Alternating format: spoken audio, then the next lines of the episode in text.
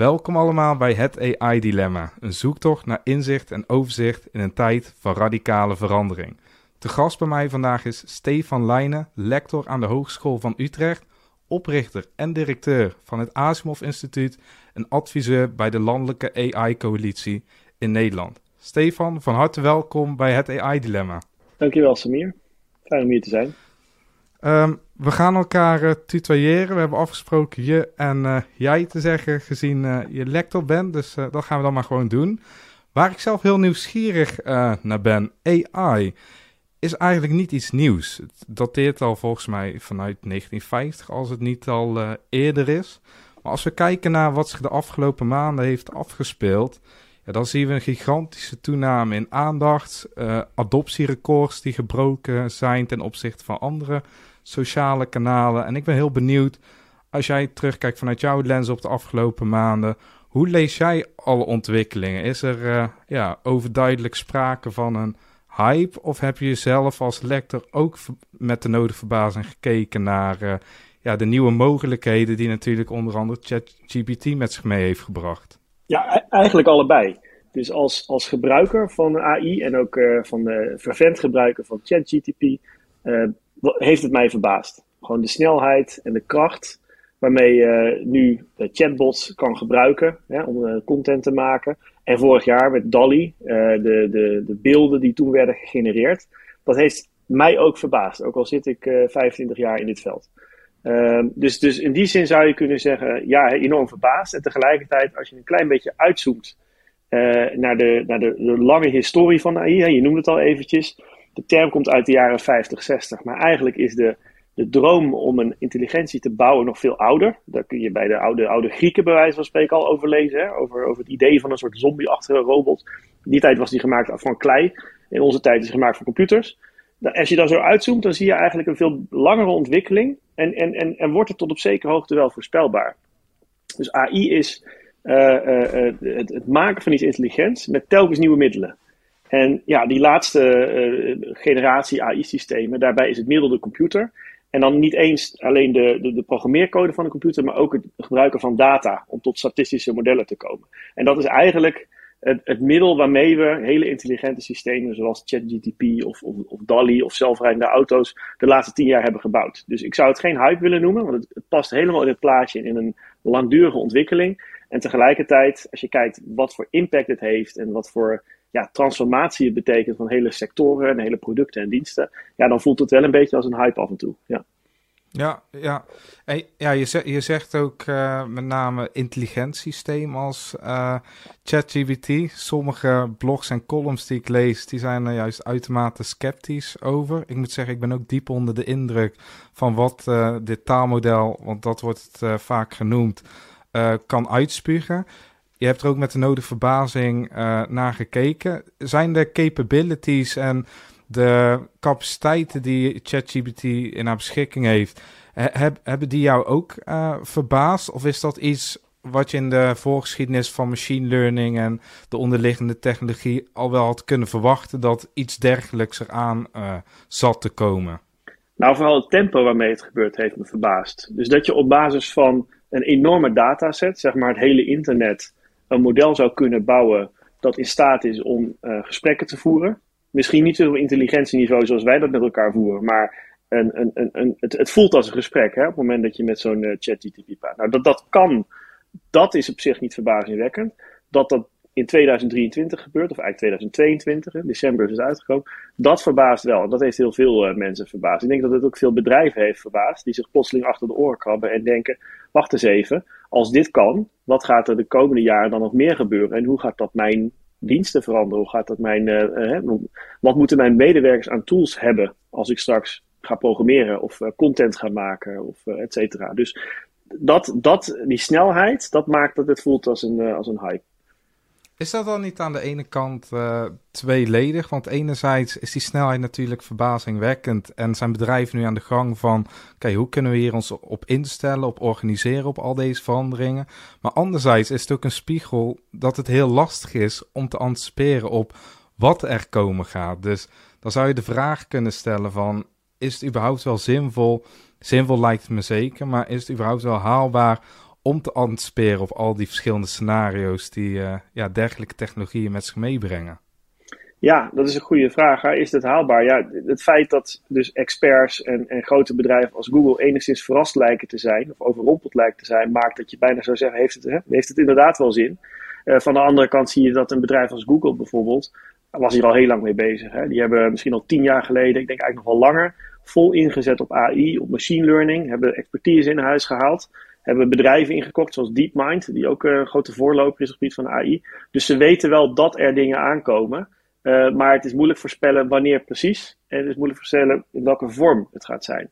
Dus dat AI een, uh, een nieuwe ja, systeemtechnologie is. Hè, de, Wetenschappelijke Raad voor Regeringsbeleid heeft een rapport uitgebracht twee jaar geleden. Daar noemen ze dat echt een systeemtechnologie te vergelijken met de uitvinding van elektriciteit of de verbrandingsmotor of de computer. Dus zo groot is het. Dat daar heel veel nieuwe dingen uit van voortkomen, dat weten we. Maar ja, exact pinpointen wanneer wat, dat, dat, dat lukt ons niet. Ja, dan heb je een, een glazen bol nodig. Of misschien wel een hele slimme AI, dat zou ook nog kunnen. Dat zou inderdaad ook nog kunnen. Waar denk je vanuit het onderwijs kijkende, en misschien is dat ook deels het uh, antwoord, dat deze tooling uh, de meeste impact uh, gaat hebben? We hebben natuurlijk al gezien dat studenten er volop mee aan de gang gaan. Ik gebruik het zelf ook al in mijn dagdagelijkse werkzaamheden. Waar verwacht jij dat de grootste impacts op plaatsvinden? Ja, of die plaatsvindt? Het is natuurlijk hartstikke interessant en, en eigenlijk ook wel leuk stiekem om te zien dat de studenten dit vanaf dag 1 hebben opgepikt. Ik bedoel, de ChatGTP kwam op 6 december uit en op 7 december, een grote WhatsApp groep waar ik met een aantal docenten in zit, kregen we al vragen, goh, hoe gaan we hiermee om? Gaan we werkstukken die geschreven zijn door een AI, gaan we die wel of niet nakijken? Hè? Dus ze, het zijn de early adopters, de studenten. Wil niet zeggen dat daar de grootste veranderingen gaan plaatsvinden, overigens. Ik denk dat uh, studenten uh, uh, goed bij deze tool kunnen werken, omdat de tool ja, beschikbaar is gesteld voor iedereen. Overigens, is goed om te melden, hè, inmiddels niet meer. Je moet inmiddels betalen als je ChatGPT wil gebruiken. En dat zal langzaam ook steeds meer in producten worden verwerkt. Dus de verwachting is als je straks uh, een mailtje typt in Gmail of een Word-document uh, wil schrijven, dat je dan van allerlei functies gebruik kan maken, zoals ChatGTP, om veel sneller je teksten te gaan schrijven. En dan is het nog maar de vraag of het vooral studenten zijn die ervan profiteren, nog steeds wel. Of dat er ook allerlei andere beroepen, waar ook heel veel geschreven uh, wordt, hiervan gaan, gaan profiteren en gebruik van gaan maken. Dus waar die transformatie precies gaat landen, is lastig te zeggen dat studenten heel innovatief zijn en precies op de hoogte van, uh, van dit soort tooling, dat, uh, dat lijkt me nu wel bewezen. Ja, absoluut. Waar gebruik je het zelf voor als je het zelf al uh, implementeert? Nou, je zou, het zal je misschien verbazen, maar ik ben dus helemaal geen vervent schrijver. Ik, ik heb echt heel veel moeite met een, een leeg vel papier of een lege beeldscherm vormen waar ik dan letters in moet gaan typen. Uh, soms dan uh, verlies ik mezelf helemaal in de woorden. En dan denk ik, ja, wat uh, zit ik, zit ik op, een, op een. Blijf ik maar op een woord synoniemen zoeken, et cetera. Dus het schiet soms niet op. Nou, ik, ik, in dit geval pers ik er gewoon een lab tekst uit als je een goede prompt schrijft. En die ga je dan lopen editen. Ja, voor sommige mensen, in ieder geval voor mij, is dat een veel fijnere manier van schrijven, een veel snellere manier van schrijven. Maar ja, het leidt natuurlijk wel tot de bekende problemen dat je wel kennis van zaken moet hebben. Want soms komen daar dingen uit waarvan je achter de oren kapt en denkt klopt dit eigenlijk wel? En dan moet je nog steeds als mens, en dat kan de computer zelf niet doen, als mens die feiten op een rijtje hebben en weten wat je wil zeggen. Dus daar, het, wordt een, uh, een, een, schrijfpartner, zou je kunnen zeggen. Of als, hè, met, met, plaatjes. En straks komt video, hè, dan kun je video's gaan genereren. Dan wordt het een, uh, ja, een regiepartner of een uh, beeldpartner, fotograafpartner. Waarmee je samenwerkt en samen dingen maakt. Ja, ja, zo, zo, zo pas ik hem zelf ook. En ik vind het echt een sparringspartner. Soms nog de aanvulling, uh, voordat ik een bericht uitstuur, vraag ik nog even om een stukje feedback.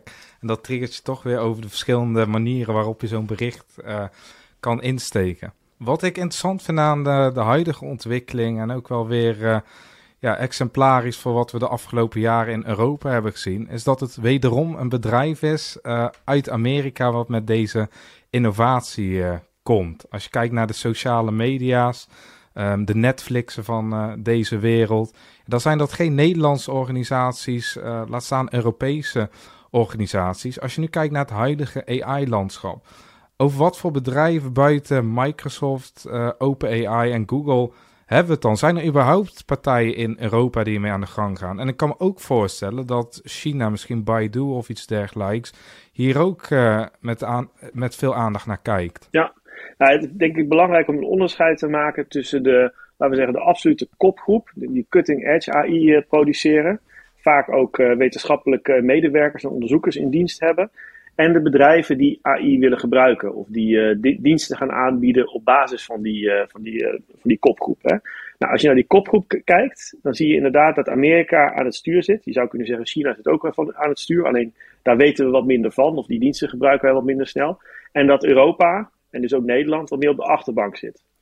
En dat is uh, geen goede positie om in te zitten, want je bent volledig afhankelijk. Hè? Stel je maar voor dat er een uh, start-up is die zegt, nou, ik wil uh, op basis van de OpenAI interface van de ChatGTP mijn product gaan bouwen. En plotseling gaan de prijzen omhoog. Of zegt OpenAI, dit mag je alleen nog maar in Amerika gebruiken. Ja, wat ga je dan doen? Is er dan een Europees alternatief? Nou, nog niet. Dus dat is iets waar de Europese Commissie en de Nederlandse overheid druk mee bezig zijn. De juiste kaders te stellen. zorgen dat mensen, voldoende mensen worden opgeleid. Maar ook financiering voor innovatie te regelen. Zodat we in Nederland en in Europa ook mee kunnen doen. En ook aan het stuur kunnen komen te zitten. Maar dat is nu nog niet het geval. Um, als je het dan hebt over de gebruikers van AI, ja, daar zijn de belangen wat anders. Dan, dan, kun je, dan, dan gaat het er veel meer om, ben je als bedrijf in staat uh, mee te gaan in digitale transformatie? Je hoeft dan niet de knapste koppen in huis te hebben om zelf die AI-producten te bouwen. Die, die trek je gewoon van, uh, van Amazon Cloud of uh, Google Cloud.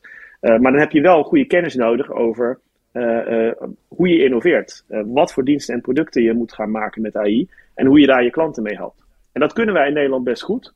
Maar nogmaals, we hebben er wel een nadeel van dat we niet in die kopgroep zitten. Want dan stroomt het als het ware niet automatisch in nieuwe start-ups, nieuwe diensten, uh, samenwerkingen met uh, bedrijven die in Nederland zijn gebaseerd, et cetera. Dus het zou fijn zijn als er ook een Nederlandse Google en een Nederlandse Microsoft was. En waar, waar, waar zit dat hem in? Als je kijkt, uh, ik zie altijd veel parallellen tussen de voetbalwereld en de techwereld. Als je kijkt naar de clubs die het vaakste de Champions League hebben gewonnen, dan zie je ook weer hedendaags dat zij uiteindelijk ook weer terugkeren in die Champions League uh, finales. Van oudsher hadden wij natuurlijk Philips, we hebben nog steeds eh, ASML. Dus die zit natuurlijk weer in een andere tak van sport. Je noemt net al een stukje opleiding, maar ook financiering en bewustwording. Maar hoe kan het zijn dat wij in al die jaren niet met een dergelijke innovatie zelf in die kopgroep terechtkomen? Ja, ja, ik denk dat die vergelijking met de voetbalwereld, die is, die is best aardig. En net als in het voetbal zijn wij in Nederland best wel goed in opleiden.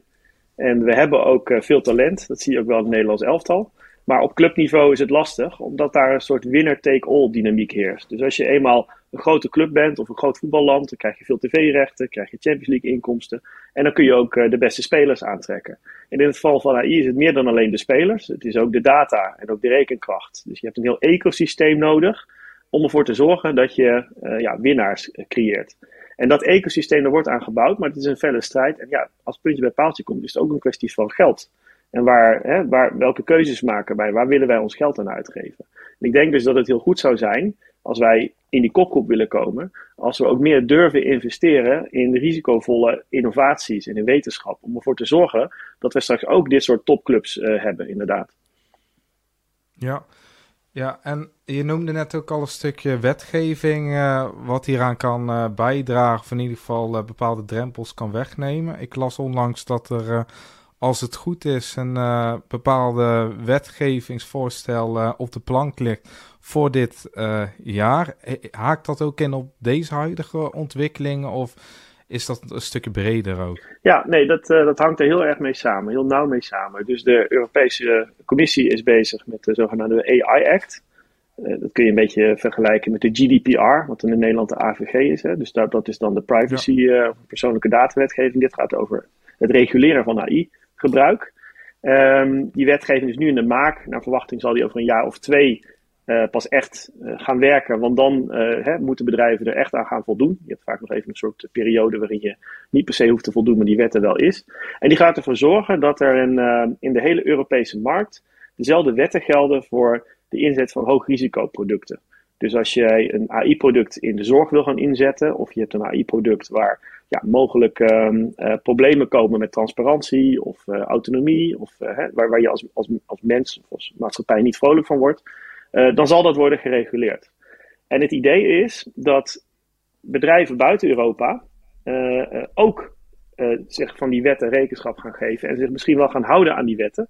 omdat je de Europese markt niet wil missen. Dus als een Amerikaans bedrijf een product gaat ontwikkelen voor de Europese markt, gaan ze zich aan die wetten houden.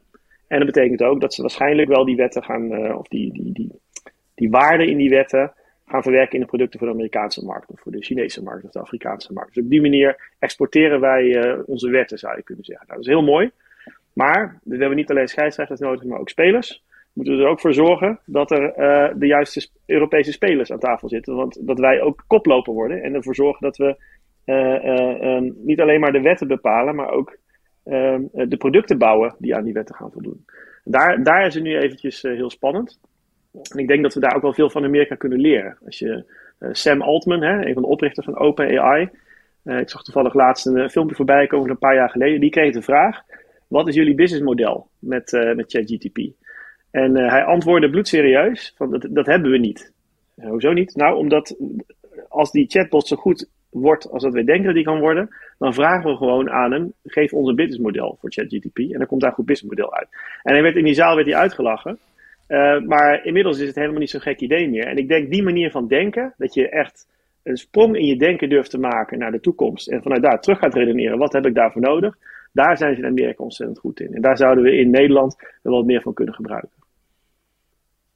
Ja, heel interessant. Ik kan zeker wat businessmodellen plotten met uh, ChatGPT. En wat betreft de veelzijdigheid van eh, GDPR, denk ik dat we een hele separate episode kunnen wijden aan de AI-wetgeving. Kijken naar de veelzijdigheid. Als we kijken naar ehm, ja, de, de fouten, of in ieder geval de, de nadelige gevolgen die we hebben gezien dat grote partijen vanuit Amerika of andere partijen de beschikking hadden over dat soort tooling. Uh, lees Microsoft, lees uh, Google Cloud en dergelijke, Facebook met data, um, uitwisseling en ja, dat we daar eigenlijk niet de soevereiniteit over hebben. Je noemde net al wat risico's wat betreft afhankelijkheden, maar wat zouden risico's kunnen zijn als wij massaal deze tooling gebruiken? Want ja, ik heb altijd het idee, als je niet betaalt, we betalen gaan nu betalen voor ChatGPT, maar dan verdient het bedrijf uiteindelijk aan jou. Welke scenario's zie je daar uh, op dat vlak? Ja, ja, dat klopt denk ik wat je zegt. Hè? Van, als je niet uh, betaalt, dan ben je het product niet, niet, de, niet de klant. Um, ja, in het geval van de AI zie je dat de AI die wij nu kennen, um, eigenlijk is opgegroeid in de context van advertentiebedrijven. Dus uh, Google en Facebook doen heel veel.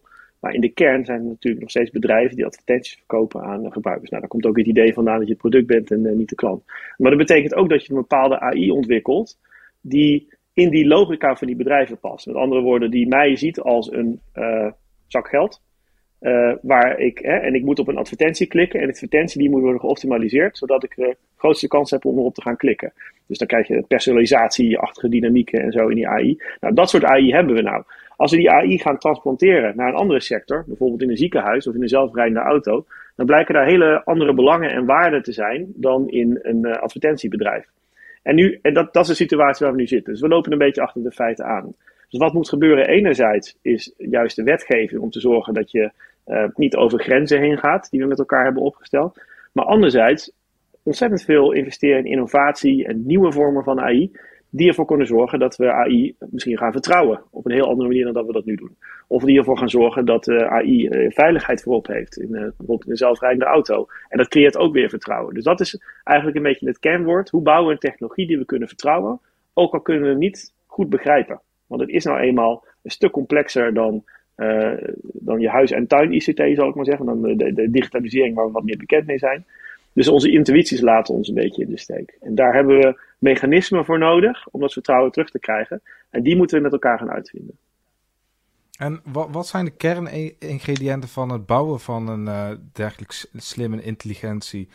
intelligente AI. Want als je kijkt naar hoe de bedrijven nu te werk gaan, de, de status quo, die hebben natuurlijk al enorm veel data waar zij algoritmes op los kunnen laten en modellen bovenop kunnen bouwen. Denk je dat die innovatie juist weer meer vanuit het bedrijfsleven moet gaan komen? Of vanuit start-ups? Of misschien juist wel de academische wereld? Waar, waar zie je de meeste mogelijkheden? Ja, dus je ziet, je ziet eh, even als je een, um, een negatief plaatje schetst, dan zie je bij universiteiten grote doorbraken die heel lang op de plank blijven liggen, of die niet leiden tot uh, bedrijven die die innovaties gebruiken. En dan zie je aan de andere kant bij het bedrijfsleven heel veel potentie, maar ook een soort zoeken naar wat moeten we nou eigenlijk. Want je kan natuurlijk vanuit de ICT-systemen die je hebt ontzettend veel data gaan genereren in de hoop dat daar uh, ooit een AI op kan worden gebouwd. Hè. Een soort van data is het nieuwe goud, dus hoe gaan we dit zoveel mogelijk produceren? Maar die filosofie die, um, nou, die lijkt wel een beetje ten einde te lopen. Uh, men zegt toch, ja, je moet echt gaan terugredeneren. Wat wil je met die AI? Uh, en wat heb je daarvoor nodig? Dus welke mensen, welke systemen, maar ook welke data. En die data dan op een zodanige manier gaan opslaan, dat je ook dat, dat product ermee kan bouwen. Dus dan heb je een behoorlijk stuk visie nodig en strategie op wat AI kan, maar ook wat jouw bedrijf uh, kan leveren. En, en dat, dat vereist behoorlijk wat strategisch denkwerk. En daar kunnen universiteiten dan eigenlijk juist bij helpen. Dus ik denk dat die, die, die omslag van uh, uh, wat, wat, wat je nu ziet, ICT-systemen genereren data en dan gaan we vervolgens kijken wat we voor AI daarmee kunnen doen. Dat moet een omslag worden naar wat kan dit nieuwe AI-paradigma, dit zelflerende, eh, op basis van data zelflerende systeem, wat kan dit allemaal betekenen voor ons? En dan vervolgens, wat hebben we dan er eigenlijk weer voor nodig? En dan kun je het best aankloppen bij universiteiten, want die kunnen heel goed hierover meedenken. Maar dat, uh, ja, dat klinkt wel hoopvol in de zin, je geeft, ik had eigenlijk de verwachting dat we een hele inhaalslag moeten maken. Maar gezien jij net al aangeeft ja, dat het oude verhaal van data vergaren en daar modellen op loslaten ten einde loopt, maar dat je juist steeds meer strategisch denken vereist, ja, biedt dat wel hoop voor studenten, maar ook uh, ja, andere organisaties om daar weer op een nieuwe manier mee om te gaan. Ja, ik denk ook dat het heel hoopvol is, maar tegelijkertijd is het nu wel een window opportunity, of opportunity wat we moeten pakken. Dus uh, hè, ja. uh, die, die, die shift in denken richting AI, het nieuwe paradigma in, in de automatisering, die vindt nu plaats. En dat biedt enorme kansen, maar dat betekent ook dat we nu keuzes moeten maken en moeten investeren met elkaar. En daar, daarin ben ik hoopvol, maar zeker niet gerustgesteld. Uh, want je ziet ook dat uh, er nog veel bedrijven uh, die stap niet durven maken, of een beetje achterover blijven leunen. Nou, we hebben bijvoorbeeld met Google gezien dat dat heel snel mis kan gaan. Hè? Want Google heeft zich een beetje de kaas van het brood laten eten door OpenAI en Microsoft. En die zitten nu in de problemen. Um, maar dat kan bij heel veel andere bedrijven ook gebeuren. Als het bij Google kan gebeuren, kan het bij hun ook gebeuren. Je ziet het bij de overheid, die, waar echt wel een wil is om te innoveren en ook te investeren in AI, maar waar men het toch nog een beetje spannend vindt. Juist omdat je zo ver vooruit moet kijken. En dat is, uh, ja, dat is best lastig en dat neemt risico's met zich mee. Kortom, er is heel veel risicoaversie. En dat is nou net het laatste wat we nodig hebben als we echt die sprong willen maken. Dus we hebben mensen nodig en organisaties nodig die risico's durven nemen die ook fouten durven maken en die willen toegeven dat er af en toe een keer een verkeerde afslag wordt genomen. Maar dat je uiteindelijk daarmee wel die, die stap kan maken. En daar spelen start-ups, noem je al eventjes, echt een cruciale rol. Want dat zijn vaak de type mensen en organisaties die wel die sprong durven maken. En die net als Sam Altman durven zeggen, ik denk dat het over tien jaar zo gaat zijn. En ik ga vanuit daar terugwerken. Ja, ja. over risico's uh, gesproken en ook zien we ten einde loop van de podcast. Je hebt natuurlijk boeken als uh, van Ray Kurzweil Singularity, dat AI ja, de mensheid dadelijk compleet overbodig gaat maken. Um, ik probeer zelf ook altijd in verschillende scenario's te denken, want ik heb natuurlijk zelf geen glazen bol. Maar probeer wel te kijken van, oké, wat zou dit nou kunnen betekenen in dat geval of in dit scenario. En ik heb ChatGPT vanochtend even gevraagd om een scenario waar ik zelf aan moest denken verder uit te werken. En ik ben benieuwd hoe jij daar tegenaan kijkt. Dus ik zal hem heel even kort voorlezen. Het is 2035 en de wereld is in staat van chaos. Het internet dat ooit de belofte had van het verbinden van de hele wereld is ingestort door een overweldigende hoeveelheid AI-gegenereerde informatie. Maar deze AI-gegenereerde informatie was vaak van lage kwaliteit, onjuist of zelfs misleidend. Het internet werd overspoeld met miljarden pagina's aan inhoud die door de machines was gemaakt en het werd steeds moeilijker voor mensen om echte informatie van nepnieuws te onderscheiden. Als gevolg hiervan begonnen mensen hun vertrouwen in het internet te verliezen. Bedrijven die afhankelijk waren van online handel begonnen failliet te gaan, omdat mensen niet langer bereid waren om producten te kopen via een kanaal waarvan ze niet zeker wisten of het betrouwbaar was. Sociale mediaplatforms verloren populariteit omdat de mensen de inhoud die ze zagen niet langer vertrouwden. Is dit uh, een uh, compleet dystopisch, onvoorstelbaar, ondenkbaar scenario? Of uh, ja, zie je wel enige plausibiliteit in? Want een aantal elementen die vloeien voort uit mijn gedachten spinsel. Waarvan ik wel zoiets had van, ja, voor studenten, maar voor iedereen is het zo voor de hand liggend. En zo makkelijk om maar AI te gebruiken voor marketing. En ja, gaat dadelijk wel een explosie, als die niet al aan het plaatsvinden is, van data die niet altijd accuraat is plaatsvinden. Hoe kijk jij tegen dit uh, verhaal aan van uh, chat? Aan van, ja, uh, ja nou, het is een mooi scenario. Ja, mooi. inderdaad, best wel dystopisch, maar mooi opgeschreven scenario. ik, ik denk dat 2035 nog best wel ver in de toekomst is. Ik denk, ik, ik zie, als dit gebeurt, zie ik dit veel eerder gebeuren. eerder termen van over vijf jaar dan over vijftien jaar. Um, maar um, um, Um, dit is denk ik één aspect hè, waar we nu heel erg op focussen, namelijk generatieve AI en het, het fladden van de content, uh, online content met behulp van AI, eh, waar, waar degelijk risico's aan zitten. Maar het is, het is denk ik maar een deelaspect van wat er uh, staat te gebeuren. Dus een ander aspect is personalisatie. Het is niet alleen data die zomaar in het wilde weg online wordt gezet, maar het is data gericht op jou. Dus we hebben nu al aanbevelingsalgoritmen in onze sociale media. Maar wat nou als die niet alleen filmpjes kunnen aanbevelen, maar ook kunnen genereren speciaal voor jou? Kun je dan die telefoon nog wel eh, wegleggen? Of weet je dan echt 23 uur per dag op je telefoon te kijken? Eh, wat doet dat met je keuzevrijheid? Kortom, ik, uh, ik, ik, denk dat er voor hele grote vragen staan over de relatie tussen, tussen mens en technologie. Welke rol willen wij dat technologie gaat spelen? Um, en um, dit is wel het moment om, uh, om over die vragen te praten. Want de, de, systemen worden nu gebouwd. In 2035 is het misschien te laat. Dus hè, wat, wat betekent voor ons een gedeelde waarheid, een gedeelde werkelijkheid? Uh, is dat het internet of is dat de wereld om ons heen? En als dat deelt, gedeeltelijk op het internet plaatsvindt, wat willen we dan dat we hebben aan zo'n gedeelde werkelijkheid? Dat zijn, dat zijn een beetje, de, wat mij betreft, ook de interessante vragen. En de reden waarom ik ooit met AI ben begonnen. Uh, niet alleen omdat die technologie zo interessant is, maar omdat het ons ook heel veel leert over wie wij zijn. En, wat, wat, voor maatschappij we hebben en wat voor maatschappij we willen. Dus ik hoop eigenlijk dat, uh, dat dit de gesprekken zijn die we met elkaar gaan hebben. Minder over hoe werkt het neurale netwerk, maar veel meer over wat voor maatschappij willen we leven en wat wordt onze relatie met technologie daarin. Vond je deze podcast leuk, waardevol of heb je wellicht juist nog meer vragen? Laat dan een review achter, of altijd nog beter natuurlijk, abonneer gewoon even. Heb je vragen die zelfs ChatGPT niet kan beantwoorden? Stuur me dan even een bericht en wie weet wordt jouw onderwerp in de volgende aflevering behandeld. Tot de volgende keer.